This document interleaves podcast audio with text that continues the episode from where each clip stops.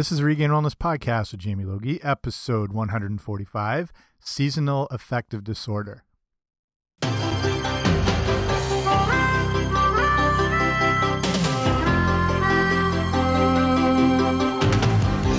Sometimes the world looks perfect, nothing to rearrange.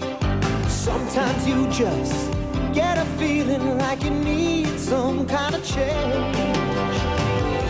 No matter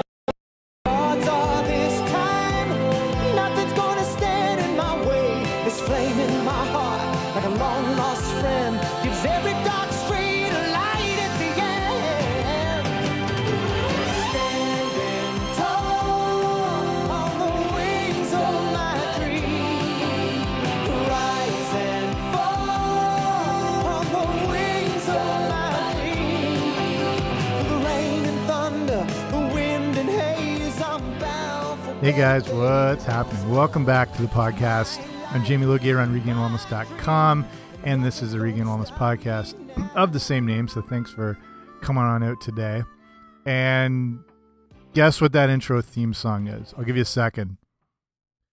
Nothing? Okay. Perfect Strangers. Hopefully you got that right away. And if you remotely grew up in the 80s, you'd hopefully recognize that one right off the bat. So this episode is I'm recording this in what is it? Sort of mid late February and talking about SAD, S A D, seasonal affective disorder, which is a very real thing and tends to be at its kind of peak right around now as far as depending where you live in the world um the where you are in the hemisphere and the earth's position in relation to where the sun is and how much light we get each day and the kind of uh, lack of exposure to sunlight and how that can affect mood and energy and all sorts of stuff. So, we'll be talking about that as it's relevant right now and some other interesting things that it's not um, specifically limited to just the early, you know, or earlier spring, mid sort of stages of winter. So, there'll be a lot of stuff you'll learn about what it is, what to look for, symptoms, how to combat it, all that good stuff. But before we get into that, make sure if you haven't already to subscribe to the podcast wherever you get your podcasts, whether it's down the street somewhere, iTunes, under a rock in the woods, wherever you get them. I'm not judging, and that make that makes sure you get the shows as soon as they're sent out. Then I don't have to hand deliver them. It just saves us all a lot of hassle. And wherever you get podcasts, it should be there. Probably iTunes is the main one, but you know, Stitcher Radio, Google Play, iHeartRadio. I think I'm I'm pretty much anywhere you get a podcast. okay, so let's get right into seasonal affective disorder. So seasonal affective disorder is basically, I mean, the only way to really define it is it's a type of depression, and it's related to the changes in the season. So it doesn't just happen one time a year. Like I was talking about how it's February right now, and this tends to be it tends to be more predominant now as again depending where you live like i live in ontario in canada in north america and this time of the year in this hemisphere there's less light.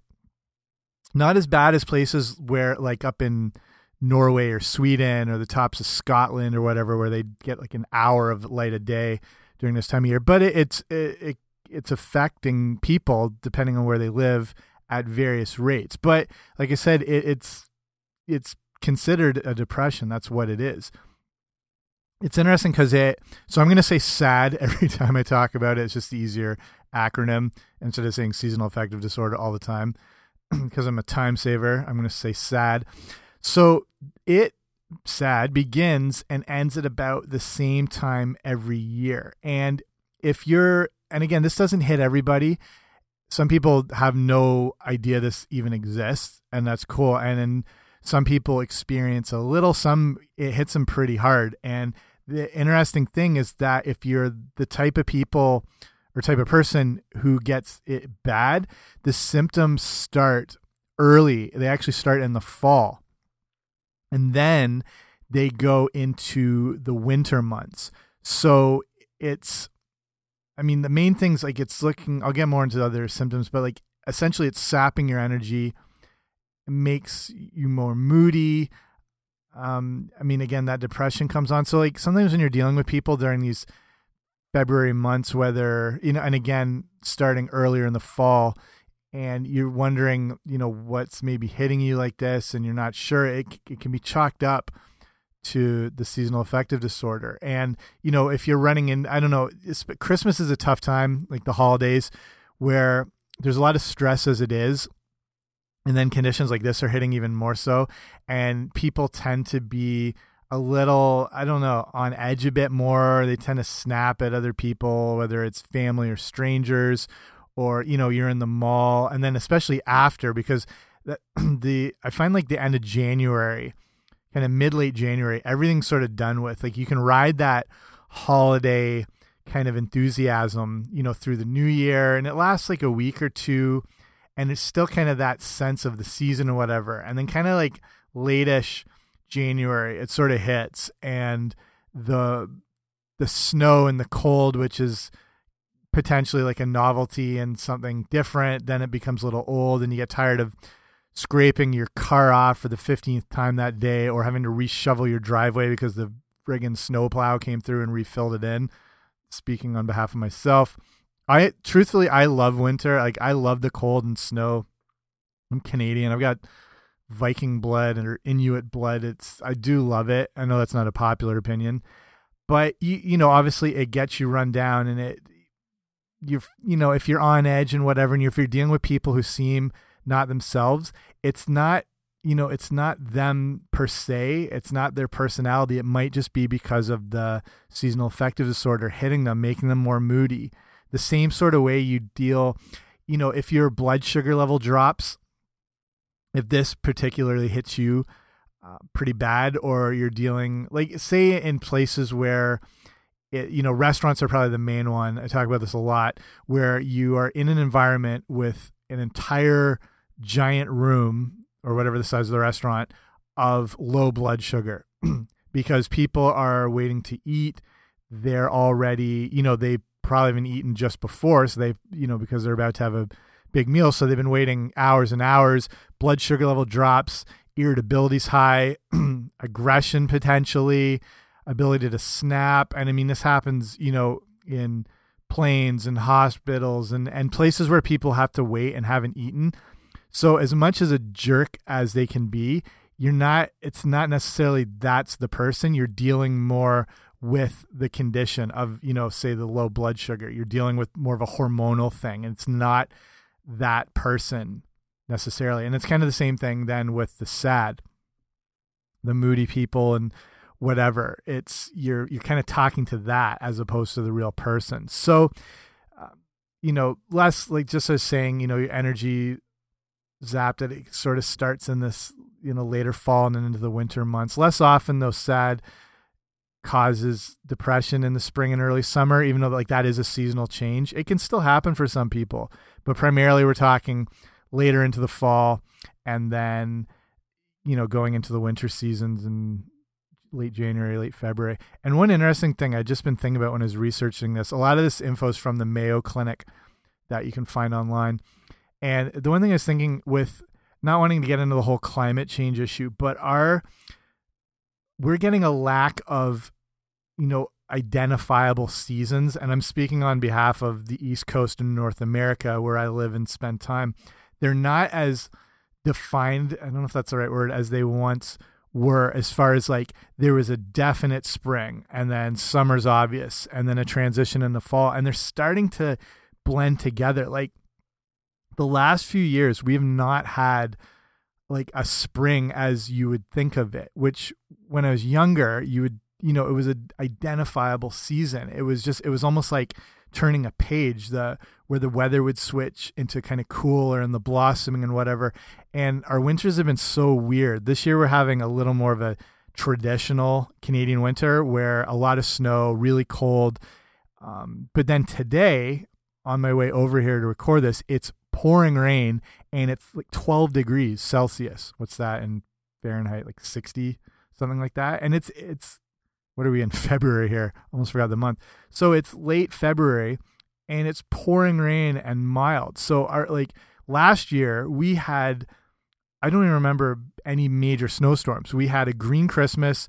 It was warm through. People were golfing in January. Then, you know, there was some bad cold snaps and whatever. But we're seeing less and less of these definite seasons. And like with the case with spring, we're sometimes having these instant kind of heat snaps coming out of the winter where it's almost like spring is skipped over and we're going right into summer.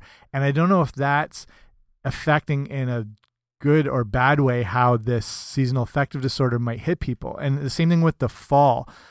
We have I don't know if this is the wrong term, forgive me. Well, it's what it's what we call it, but hopefully it's an offensive, but we call it an Indian summer where the summer is extended and it's it's not like it ends in August or whatever. You have just as warm weather way into September, almost into October. And when we have our Thanksgiving in Canada in October, there's still days people are going to the beach. Like it's that nice. And I don't know if this is going to combat the effects of the sad because you're getting this like extended season and there's almost no fall. Like the weather is so hot. It was this year anyway. Actually, the last few years, it's so hot that the leaves turn like they don't even have time to transition into sort of like the fall colors and whatever. It's so hot they just kind of like die and then the winter hits and then everything just sort of drops and there's really no it, it's I don't know, it's very weird. So I don't know if that's just my own thoughts, but I'm wondering how this potential climate change or however you want to look at it is going to impact these sort of effects on our body as we're getting these just bizarre changes in the seasons all the time. So um yeah, I mean the main thing like as I talk about before getting into some of the symptoms as we talk about the idea of depression, it's always been sort of chalked up to the winter blues and like I said before that sort of seasonal funk after the holidays and you know you have to sort of tough it out and but you know as we're seeing with any sort of uh, conditions like this it's it's a real thing that you, you know you don't want to just brush over. It's it's a legitimate um, condition. So basically with most of the cases for the average person you know like i said symptoms start late fall early winter and then go away during the sunnier days of spring and summer less commonly people with the opposite pattern have symptoms that begin in spring or summer. This i've seen this a little bit. It's there it's just that transition time and depending on how big the weather um, fluctuations might be like it starts to hit some people in these times when you think that'd be the opposite case. So in either case the symptoms might they generally and probably start out mild and then they become more severe as the season progresses. So it's kind of that little thing where you're like something feels a little off. It's not super identifiable, and that might be the first signs that that this might be um, affecting you. And then it gets a little worse and worse. So it doesn't just like bam snap and then hit it, and you're like, oh, I got the full on, you know, disorder. It, it kind of progresses through. So the signs and symptoms. Again, this isn't going to chalk it up to sad specifically. I mean, other things might be in play, but these are what's considered to be the symptoms of it. So, first thing, feeling depressed most of the day and nearly every day. You, you know, there's a loss of interest in activities you once enjoyed. Low energy is part of it. And then wanting to always sleep, but at the same time having problems sleeping. And I mean, insomnia and stuff like that can be different conditions, but they can kind of all intertwine together. People tend, you know, you experience changes in your appetite or weight. And I mean, that comes down as well that you're potentially cooped up all day. You're less active, you know, the lack of exposure to the sun. And you're, you know what I mean? When you're, you have to shovel for 20 minutes just to get out of your house, you're less likely to go anywhere. And coming out of the holidays where you've probably had more exposure to high calorie, highly palatable, you know, non-nutritious based foods and then that kind of seeps into the coming months where you're you know th that's going to affect your mood and everything too but at the same time the sad um kind of condition is is making you want to eat more of this crap and whatever your body just wants kind of quick, high energy, easily consumable foods. I mean, it basically wants to hibernate. Again, depending if you're living in, in a climate where you experience more of a winter, like, uh, you know, if you live in Southern California, not necessarily going to be the same state. Um, after that, you've got with symptoms feeling sluggish, mentioned being like agitated easily. There's difficulty in concentrating. And then, you know, the general feelings of, you know, hopelessness, worthlessness, guilt. Th these are all, you know, linked with depression. And then when we look at seasonal affective disorder, it's, you know, it can be classified as that depression. So all of these different symptoms aren't, like I said, not necessarily connected, but things to look out for. If you've been wondering, like, what's going on and this sort of hits me every year and you haven't been aware of this thing, you know, you might be able to chalk it up to it. There's an interesting there like I said there's the fall sad and the winter sad.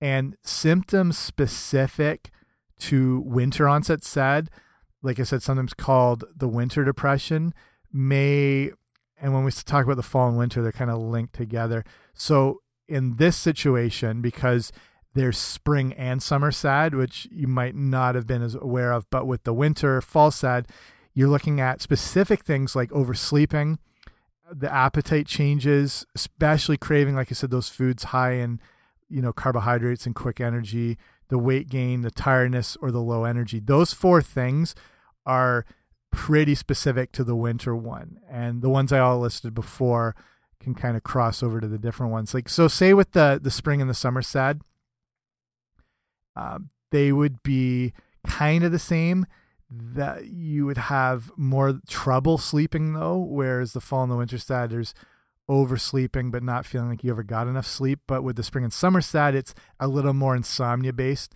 and you tend to have more of a poor appetite compared to the winter where you just want that hibernating consume as many calories as possible just to get you know put that excess body fat on to get you through the winter. There tends to be a little more weight loss according to the symptoms for spring and summer sad and more of an agitation anxiety that you can look for so i mean the kind of ways to chalk it up are through the winter months is just more that lethargy and think of yourself as being a bear where you just want to eat hibernate not move gain weight the whole deal and then the summer it's a little more of that agitation you know might be some weight loss trouble sleeping a little high strung if you've been wondering um, how you can kind of differentiate those two things. So we'll look at what causes it. And the specific cause of the seasonal affective disorder is is actually kind of unknown. To me, it's I think of the lack of the sun exposure and the lack of activity because you're not likely to be as active and moving and out and again you know getting that vitamin d and the fresher air and whatever but there's three things that have been kind of you know considered to come into play. So the first thing is your biological clock so your circadian rhythm. And this plays into that reduced level of sunlight in the fall and the winter which you know can cause that winter onset seasonal affective disorder. It's the like it's just that decrease in sunlight throws off your internal clock and that can lead to the feelings of depression and everything. And your circadian rhythm is just it just kind of controls the flow of how your body functions through the day. And in our more of a primitive paleolithic state we wouldn't have been up till all hours of the night. We ideally would have gone to bed at when the sun would drop. And we you know or we'd maybe have exposure to you know firelight or candles or whatever. And we would more likely wake with the rising sun. So our bodies would follow the natural cycle of the day and then our natural circadian rhythms would play into that more and then in our sort of artificial environments we create create um, we're looking at you know almost like 24 hours of perpetual fake daylight where you're up all night, lights on, TV on, phone on, exposure to blue light. You're not, I mean, there's less sunlight as it is, so you're already sort of feeling less energy and whatever, so you stay up late. Your circadian rhythm hasn't had time to sort of adjust and be engaged for that day and then you sleep in late so it hasn't been kicked off yet it sort of starts say you get up at like 10 a.m or whatever your circadian rhythm is starting then when it's probably more naturally should be starting at i don't know 6 a.m ish 6.37 or whatever and then the fact that you're not even getting this natural sunlight because of the time of the year and your whole body's mechanism is completely thrown off so this relates to another potential cause, and that's serotonin and the ser ser serotonin levels in your body. And so, serotonin is a brain chemical, it's a neurotransmitter, and it affects your mood. And again, this is thought to maybe play a role in this whole idea of SAD because you're getting reduced exposure to sunlight. And when that happens, there's a drop in serotonin, and then that may trigger depression. And this can happen in people regardless of the whole sad thing anyway. They their neurotransmitter levels are off. And a lot of this can be chalked up to diet and the two so like we our brain, you know, produces all these neurotransmitters or feel good hormones like serotonin or endorphins or whatever. But actually, the majority of them are made in your gut. And it's kind of why they call your gut the second brain, your, your gastrointestinal system and it's where your microbiome resides and that's all those good bacteria that kind of keep things in balance and you know fight inflammation and the whole deal but again two-thirds of the neurotransmitters in your body are made in the gut. And if your diet is full of a lot of crap like refined carbs and sugars and you're not getting uh, you know good starches like good fibers and fresh stuff or probiotic rich foods like kombucha or kefir or sauerkraut or pickled vegetable based things, that whole microbiome is completely thrown off and your body is not able to probably produce the neurotransmitters like the serotonins how it should. So when you throw that on top of this whole seasonal change thing, you can see how easily people can be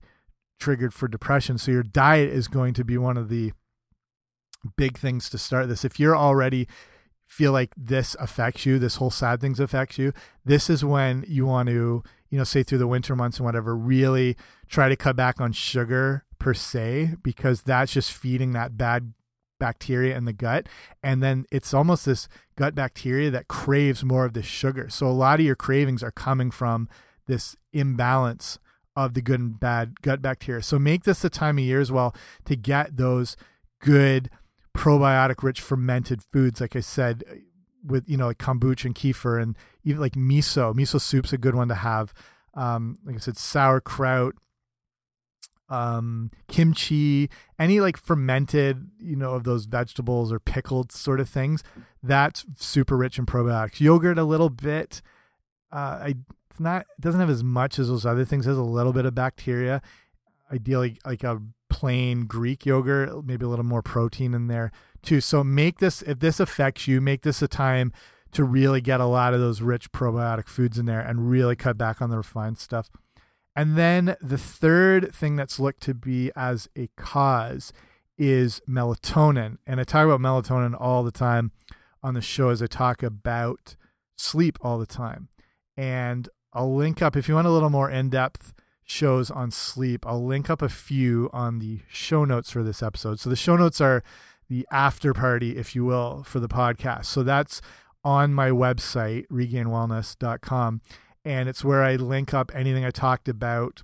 Um, like, you know, any studies referenced. I'll probably link all this info up from the Mayo Clinic. And then, you know, I can link up some of the episodes. So if you go to regainwellness.com slash one four five, I'll put a few episodes up all like to go way more into depth on sleep and an interview with a guy I did named Shawn Stevenson who's a sleep expert and has a best-selling book out called Sleep Smarter with a lot more info. I just think it's really important to get up to speed. So we're talking about melatonin as a potential cause. And again, the change in the seasons can disrupt the balance of the body's level of melatonin. And melatonin is important in that circadian rhythm and your sleep cycle and it helps you know kind of determine how your body winds down sleeps and stays asleep but it's really important that you stick to that natural day cycle to let it work properly. And generally, it's exposed or sorry, it's stimulated by exposure to darkness. And the problem is we get too much darkness through the day because of the lack of the sunlight, and then we expose ourselves to all this artificial blue light.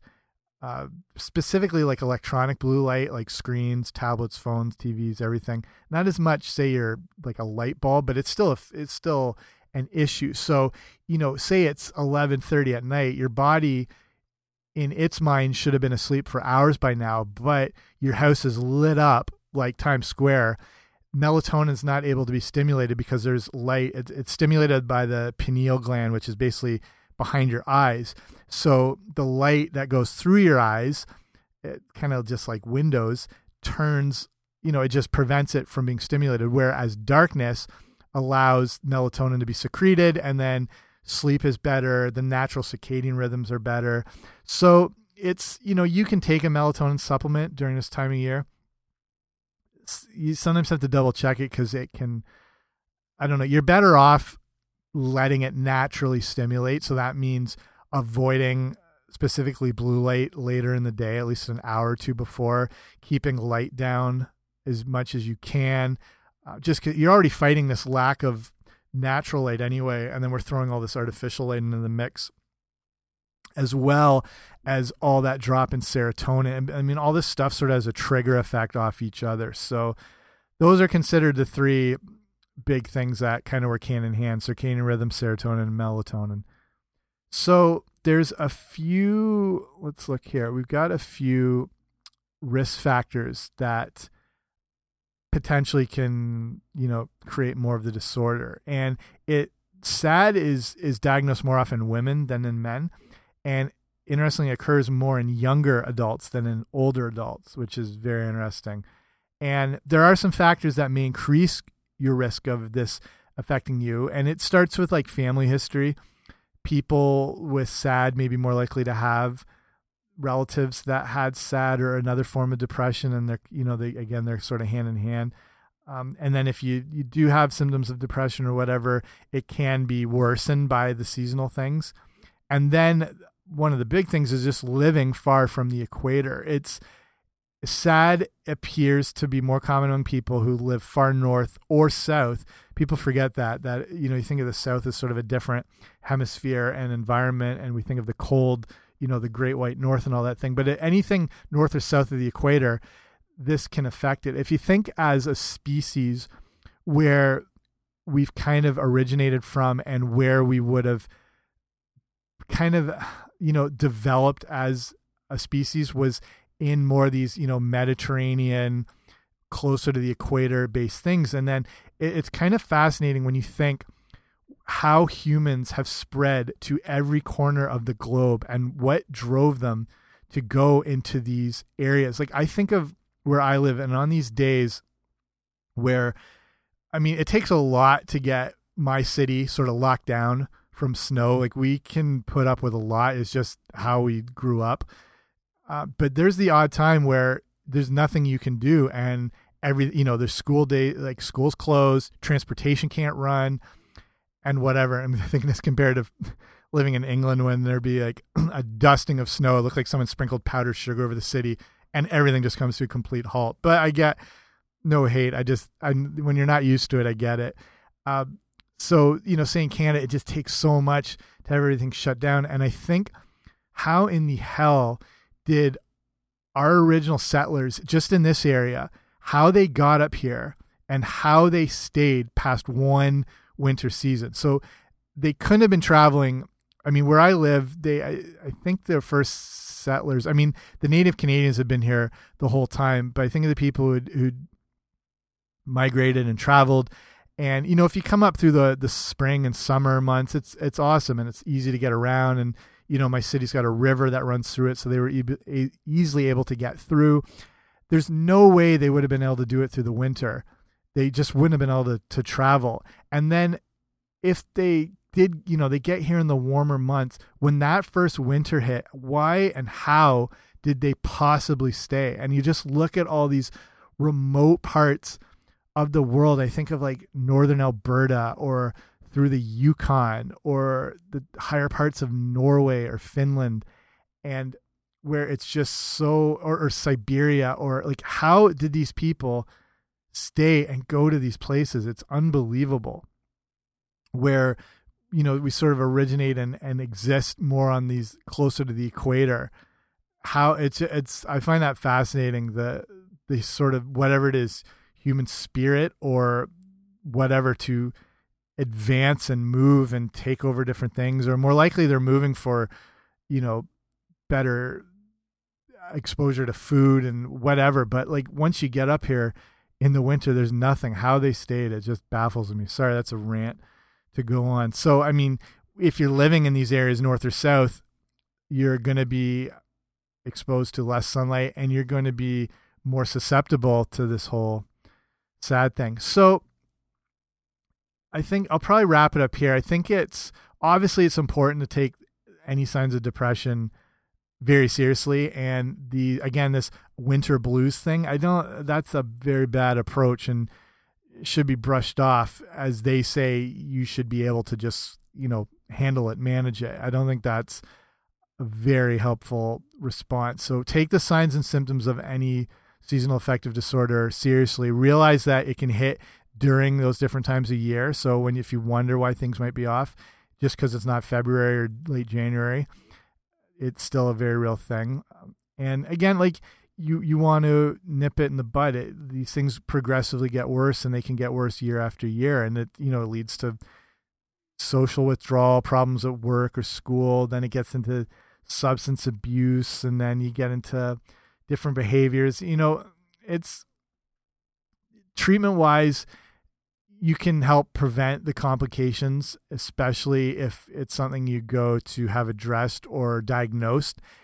So if it if it feels sort of early and might be a thing, it's worth checking out. And then it, there's a lot of those things you can do as far as like getting the diet under control is going to be a big help through those winter months getting more sleep, trying to go to bed early, try to get more into that natural tune. If you're living somewhere where you don't get a lot of sunlight through the day, it is going to be tougher. I'm not I'm not going to recommend any like tanning beds and stuff like that. I think they can be so dangerous, but a little bit of exposure to there's different sort of light treatments you can do and you can even get those ones in your house that sort of stimulate that the natural UV rays and I think those can be helpful too. But then again, that's something you would talk over with a, a specialist or something like that if it's getting into those situations. But try to maintain uh, exercise as well too. Obviously, that's going to help boost those natural uh, neurotransmitters like the serotonin and endorphin and those feel good chemicals. So definitely get on top of that. And I would recommend through I was talking to someone the other day about this. I'd recommend in these winter months exercise as early in the day as you can. And that might be a little tougher, but if you exercise as early as possible, it's going to help kind of kickstart that circadian rhythm for the day. Your body's going to recognize, okay, things are in action.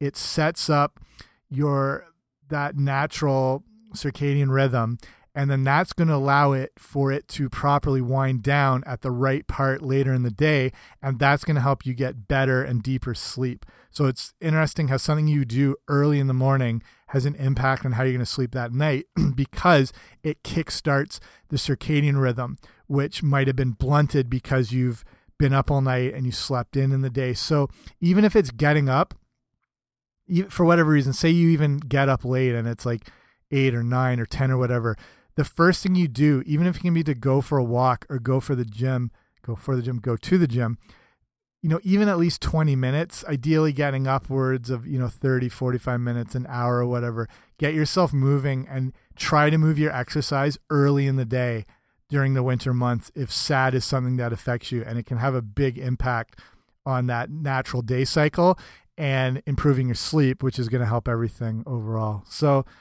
Okay, a lot of stuff there. Hopefully, you found it helpful. If you have any questions, uh, feel free to write to me. So you can write at info at regainedwellness.com. Again, check out the show notes. So regainedwellness.com slash 145. And I'll have some of those episodes linked up, a little more of the information. And that's going to be it for me. So, again, thanks for listening. make sure to subscribe if you haven't already. And if you're interested in, I'm part of this thing called Patreon, and it's a website where people or listeners can be involved with you know sponsoring the show. And it's something where it's as little as like a dollar or two a month. And it's you know if you if you subscribe on different levels there's more sort of rewards that come with it. So with mine it's like ebooks up to you know nutrition plans up to full on like one-on-one nutrition coaching depending on whatever. So it's it's obviously not you know the, the show's going to be free regardless. It's just one of those things that sort of helps it to you know upgrade things better equipment more time for interviews or you know whatever. So if you're interested just you can check out patreon.com slash wellness and that's got my whole little page thing there and that'll be linked on the show notes as well. Okay let's wrap this all up. Thanks for listening. See you soon